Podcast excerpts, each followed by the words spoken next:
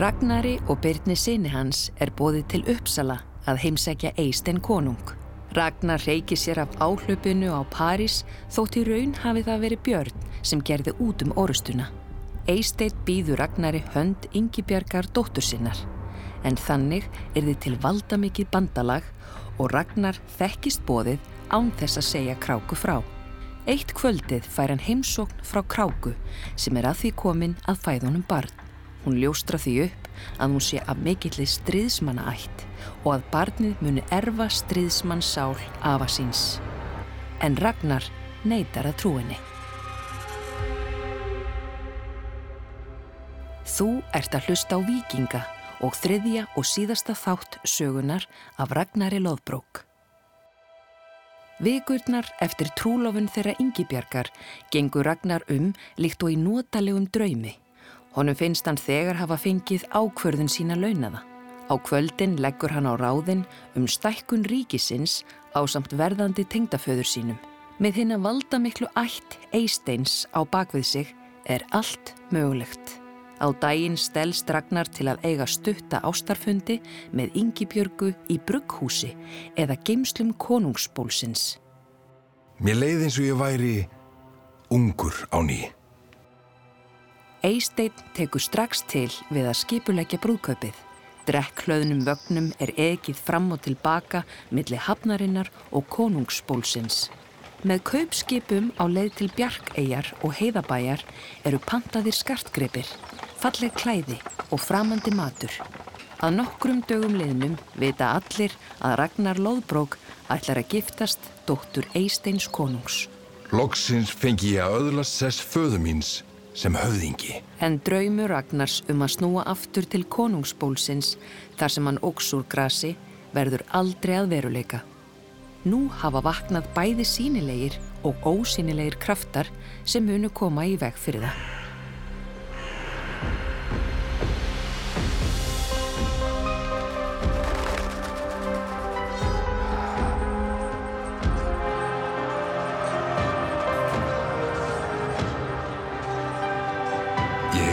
Ragnar Lóðbrók og ég er stríðsmaður Óðins.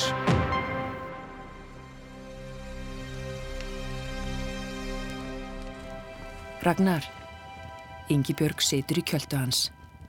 Hún snýr höfði hans að sér og reynir að kissa hann. Um hvað ert að hugsa? Ragnar reynir að brosa.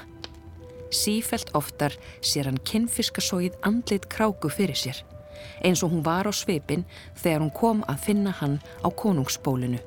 Hönd hennar um handlegg hans. Þú getur talað um fyrir honum, hinnum stolta konungi eistenni. Nei, það er ómögulegt að hætta við núna. Ég hugsaði með mér að kráka væri skinsum kona. Ámyndi skilja að það kæmi börnunum vel að tengjast konunginum fjölskylduböndum. Ragnar snýð sér að yngi björgu en skindilega stingur önnur minning upp kollinum. Nóttinn í gardinum þegar hann ákvaða ganga í hjónaband. Hvernig óðinn byrtist honum skindilega, illgýrnislegt brosið á vörumanns. Guðinn sem hjálpar til þegar það skemmtir honum en sem skemmtir sér ekki síður yfir deilum og kvölum mannfólksins.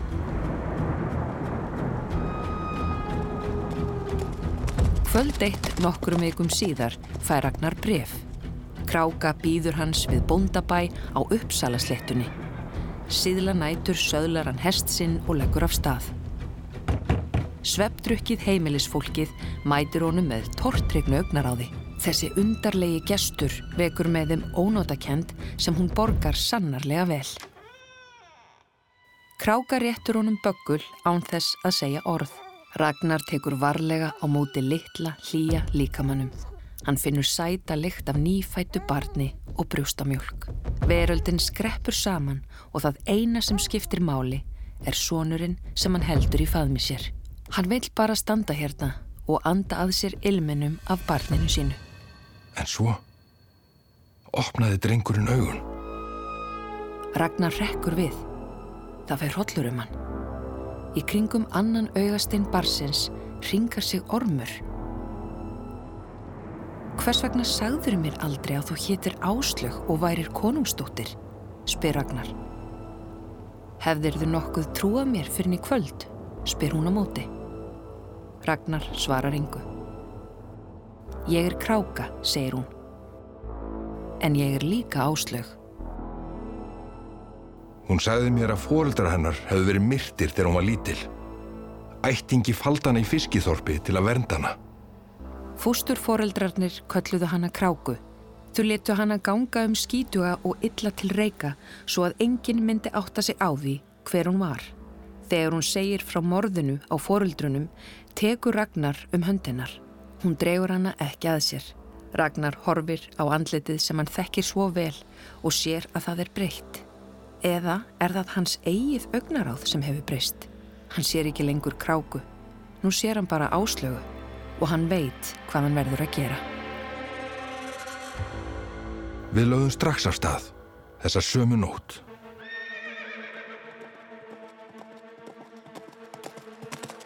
Þegar heim er komið skrifa Ragnar tvö bref. Eisteini konungi skrifar hann að kráka heiti í raun og veru áslög Sigurðardóttir og að nýfættur sonur þeirra beri í sér stríðsmannsál Sigurðar Fápnisbanna. Til yngi bjargar bætir hann því við að hann hefði gerðnan viljað giftast henni en að hann verði að hlýða örlögum sínum. Hann horfir á styrðbusalega rúnirnar sem hann risti í viðinn og átta sig á því að útskýringar muni ekkert stóða. Til bjargar særðu stoltinu og ærunni sapnar Eisteinn saman herr manna. Eisteinn hafði jú gefið fjöldan allan af gullbögum í áruna rás og komið sér í mjúkin hjá hinum og þessum. Það reykir uppnámi yfir því hversu skammarlega hinn áður tilvonandi brúðgumi hagar sér og menn vilja sína trið sína. Ragnar sapnar líka liði en hann er ekki jafnvel tengdur og Eisteinn konungur. Hann stendur höllum fæti og hann veit af því.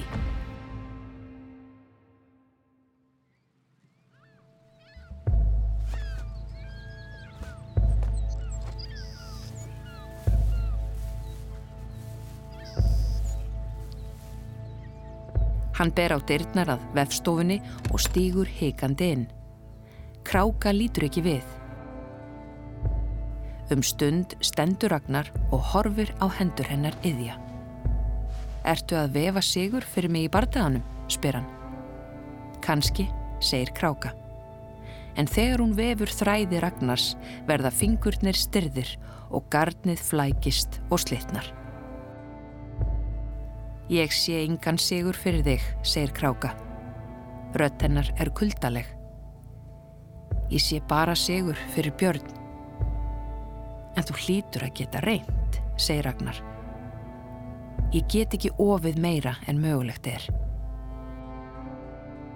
Fyrst að Kráka gæti ekki hjálpa mér var bara ein manneskja sem ég gæti snúið mér til. En skrefin voru þung. Björn á sér aðdáðandaskara, ríkra manna sinni sem æfa sig að berjast á daginn og skemta sér saman á kvöldin. Ragnar hugsar með sér að ef hann fái Björn í lið með sér, gæti sameinlegur herr þeirra orðið jafnóki hers Eisteins. Dögum saman er hann eins og á nálum en loks leitar hann Björn uppi í skálanum þar sem hann situr upp við dogg á bekk með hóp ungra pilda í kringum sig. Þeir kasta varla kveðju á Ragnar þegar hann kemur til þeirra. Hann bendir sinni sínum að koma með sér út í horn og ber upp erindið. Björn horfur kuldalega á hann. Af hverju ætti ég að berjast fyrir þig, segir hann. Það er ekki ég sem trúlofaðist konungstóttur þrátt fyrir að ég ætti von á sinni og skipti svo um skoðun. Ég er ekki vanur að byggja um eitt nýn eitt, segir Ragnar. Þetta var niðurlegandi, en ég þurfti sannarlega á hjálpans að halda. Björn segir ekkert. Fyrir mömmu þína, byður Ragnar. Augnabliki dregst á langin og verður óbærilegt.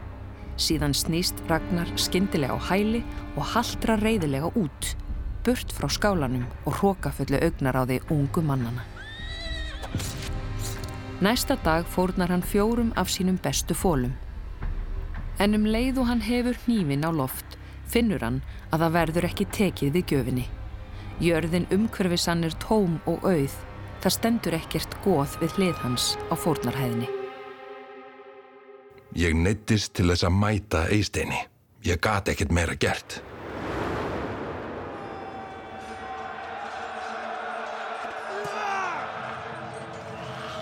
Ragnar stendur á výgvellinum og andar þingslalega. Í kringum hann likja margir af mönnum hans döðir. Eiríkur og Agnar berjast hetjulega en herr Eisteins er stærri og senirnir eru báðir sárir. Ragnar vil fara og hjálpa þeim en hann reyfir sig svo hægt, líkt og í vatni. Hann er grepin órunveruleika kent. Hvað er hann að gera hérna? Svo sér hann Eirík kastast aftur og bakk um leið og spjót hæfir hann í brjóstið. Skyndilega er heimurinn aftur orðin hróðalega yfirþyrmandi og raunverulegur. Ragnar klófar yfir lík og heggur vægðarlöst niður þá óvinni sem standa í vegi fyrir honum þar til hann kemur til Eiríks. Hann fellur á knie og tekur um höfuð sonarins en dreymandi augun sem minna svo á þóru sjá ekkert lengur.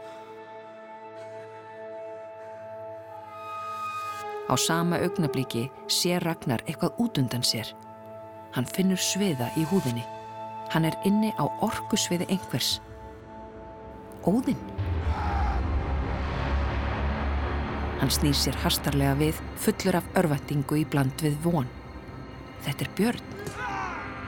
Andlit hans var stjart eins og glottandi gríma. Ég skildi að Guðinn hafði tekið hann yfir. Ungum mennirnir að baki hans kasta skjöldum sínum burt. Á þessu augnabliki finnst þeim þeir ósæranleir. Þegar menn Eistein sjá þá, kemur á þá heik og þeir hörfa undan. Nú slæst ég eppel Ragnar eins og óður maður, sjónsviði þrengist og verður að rauðlituðum gungum þar sem mannsmyndir byrtast, fá sverð hans í gegnum sig og hverfa svo út til hliðana. Menn Eisteins rökklast aftur og bakk og þegar Björn heggur sjálfan konungi niður flýr það sem eftir er af herrhans í ofbóði.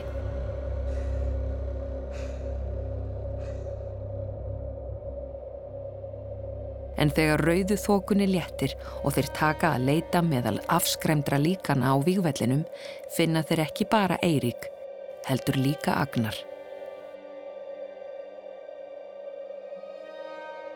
Ragnar reynir að þakka byrni en á erfitt með að koma orðunum út úr sér. Ef hann hefði bara komið aðeins fyrr, þá hefðu Eiríkur og Agnar kannski lifað af. Sjálfur tekur hann þó á sig þingstu sökina. Eiríkur sonur hans, hugsuðurinn sem aldrei líkaði að slást en barðist til þess eins að gera Ragnari til geðs. Nú er hann í valhöll og neyðist til að berjast til dauða hvern einasta dag allt fram að loka orustunni miklu við endalokk tímans. Eða er óðinn kannski skilningsríkari en hans eigin fadir? Kannski fær Eirikur að vera skáld í valhöll eins og hann óskaði sér meðan hann livði.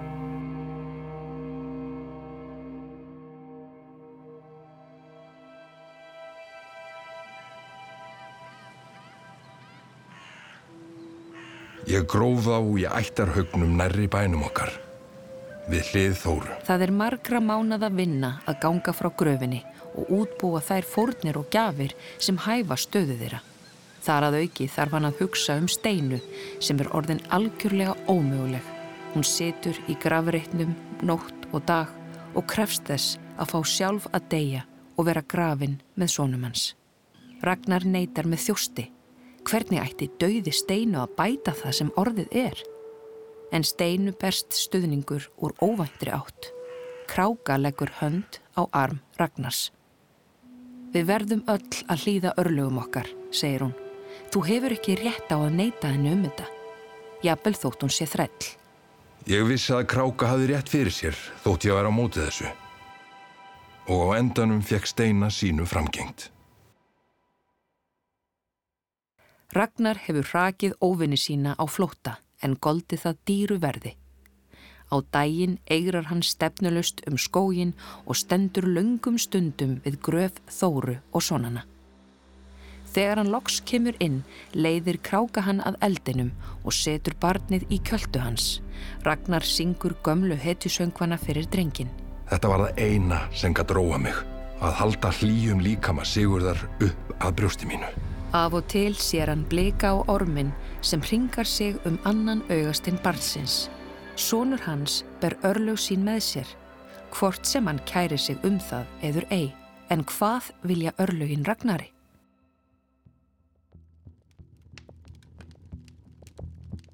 Haustkvöld eitt kemur Björn og sest hjá Ragnari við eldstæðið. Hann segist ætla burt í vor. Hann hegst byggja upp stóran flota. Ragnar lítur upp og róðnar af gleði. Auðvita getur við silt aftur, segir hann. Þú og ég farið í aðra stóra reysu. Björn horfir vandraðalegur fram hjá honum. Ekki með þér, pappi. Heldur með hásteini, segir hann. Svo sagðan að þeir þýrst að fá lánadálitið af Silri þar til þeir kæmu heim. Hástein er besti vinur og blóðbróðir Björns. Um vorið sapna vinirni liði stríðsþistra ungra manna hvaðan æfa að af Norðurlöndunum og sykla af stað með 80 skip.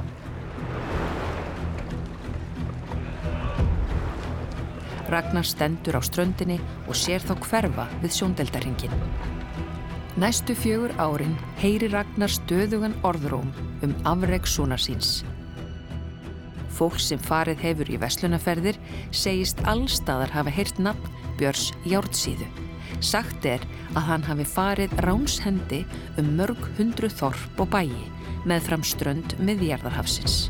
Sagt er að hann hafi ferðast til Norður Afríku og verslað með þræla. Jafnvel segir fólk að hann hafi herrtekið Rómarborg. Það var erfitt að vita hvað var satt og hvað ekki. Þegar Björn og Hásteit koma heim verða þeir vinsalli í héræðinu en nokkru sinni fyrr.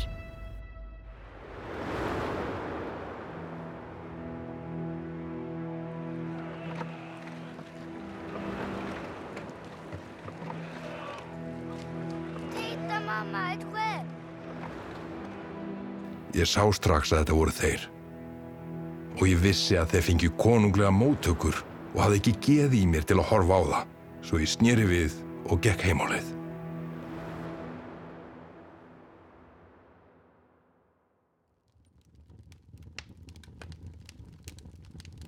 Ragnar situr niðurlútur við eldstæðið, eins og hann gerir alltaf nú orðið.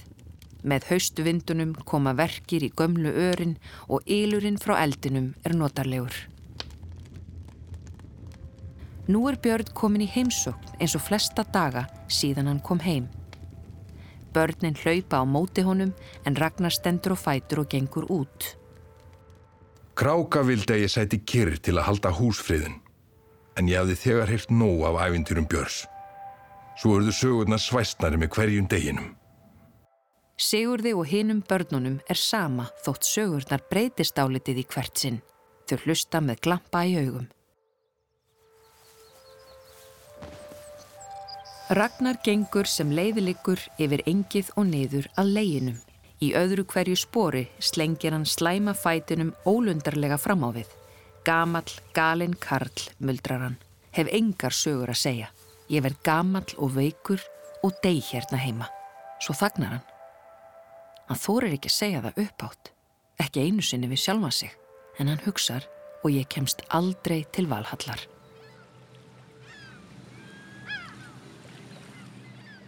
Hér í höfninni sá hann óðin í fyrsta sinn.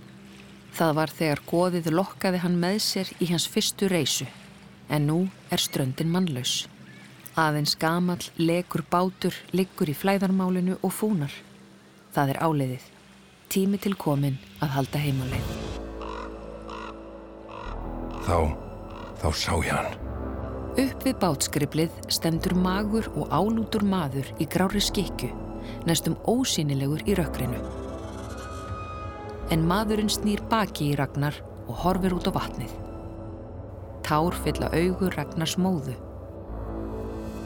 Svo snýr Guðun sér við og brosir til hans og í þetta skiptið er brosið ekki hefnislegt. Svo hverfur hann.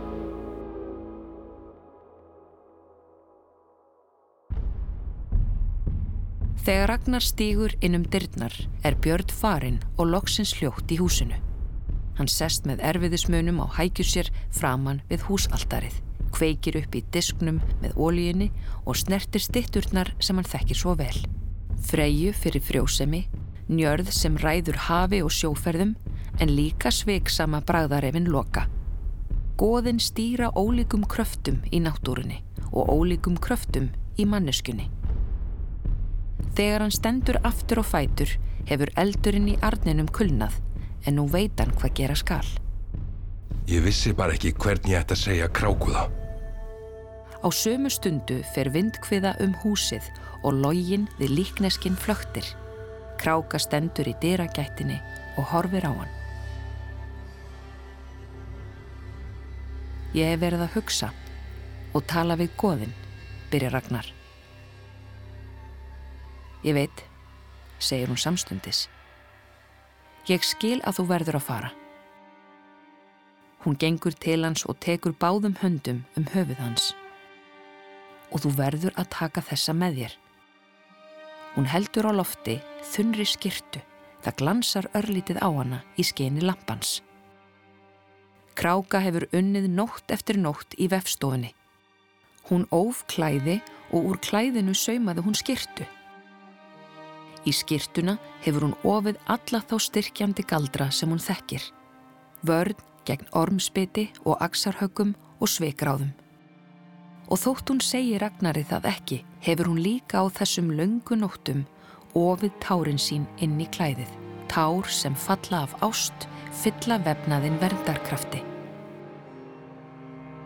Ég sagði henni að hún skipti mig meiru en nokkur önnur manneskja. Ég vildi að hún vissi það. Svo stóðu við lengi hljóð og horðum hvort á annað. Og ég vissi að ég hefði sagt allt sem ég þurfti að segja í þessu lífi.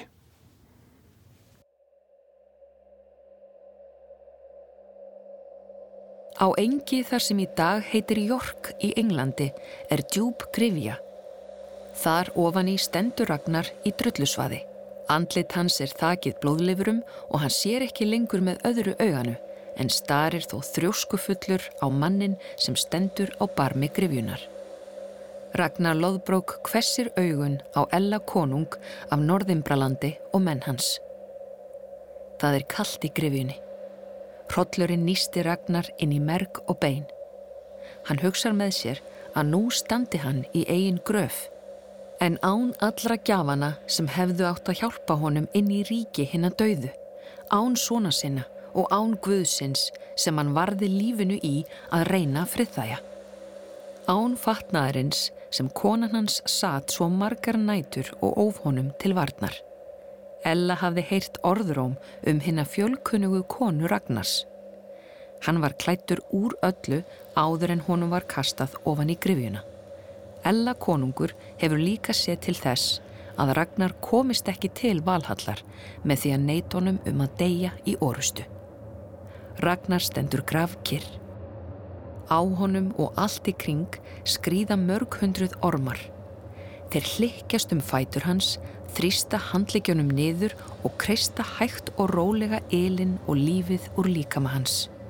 Dauðans ángist reynir að þvinga hann til þess að öskra, en hann ætlar ekki að gera böðlum sínum það til geðs. Þá sér hann það. Fyrir aftan Ella konung stendur vera sem hann þekkir. Hávaksinn magur maður í skikju og með hettuna dregna yfir grátt slett hárið. Það mætti halda að hann væri betlari, utan gardsmaður. Augu þeirra mætast og Ragnar finnur fyrir brennandi augnaráði góðsins líkt úr líkamleiri snertingu. Ragnar hilsar guðunum með einu af viðurnefnum hans, logandi auga. Nú erum við báðir einegðir, hugsa Ragnar. Óðinn brosir að skensinu og tilsvarið hefur greinilega verið rétt því að skindilega ólgar kraftur í Ragnari eins og blossandi eldur. Eldurinn brennur og rýfur í hann en hann er ekki lengur einn. Loksins er óðinn komin aftur til hans, ekki til að hugreista eða bjarkonum, heldur til að syngja um hemd. Innan um ormana syngur Ragnar sinn eigin útfarasöng. Hann gengur hlæjandi í dauðan syngur hann, því hann veit að sinir hans munu hefnans. Ragnar sér það fyrir sér þegar Björn fær frettirnar af dauða hans og verður náfölur af reyði. Hann sér kráku sitja í vefstofinni og vefa óvinninum dauða, vefa styrk til handa byrni. Hann sér flota björns sigla í átt til Englands. Ella konungur flækist í hinn ósynilega vefkráku á vývöllinum. Hann sér björn valda Ella kvalafullum og niðurlæjandi dauða. Og loks sér hann hvernig björn og bróður hans uppfylla hinstu ósk Ragnars.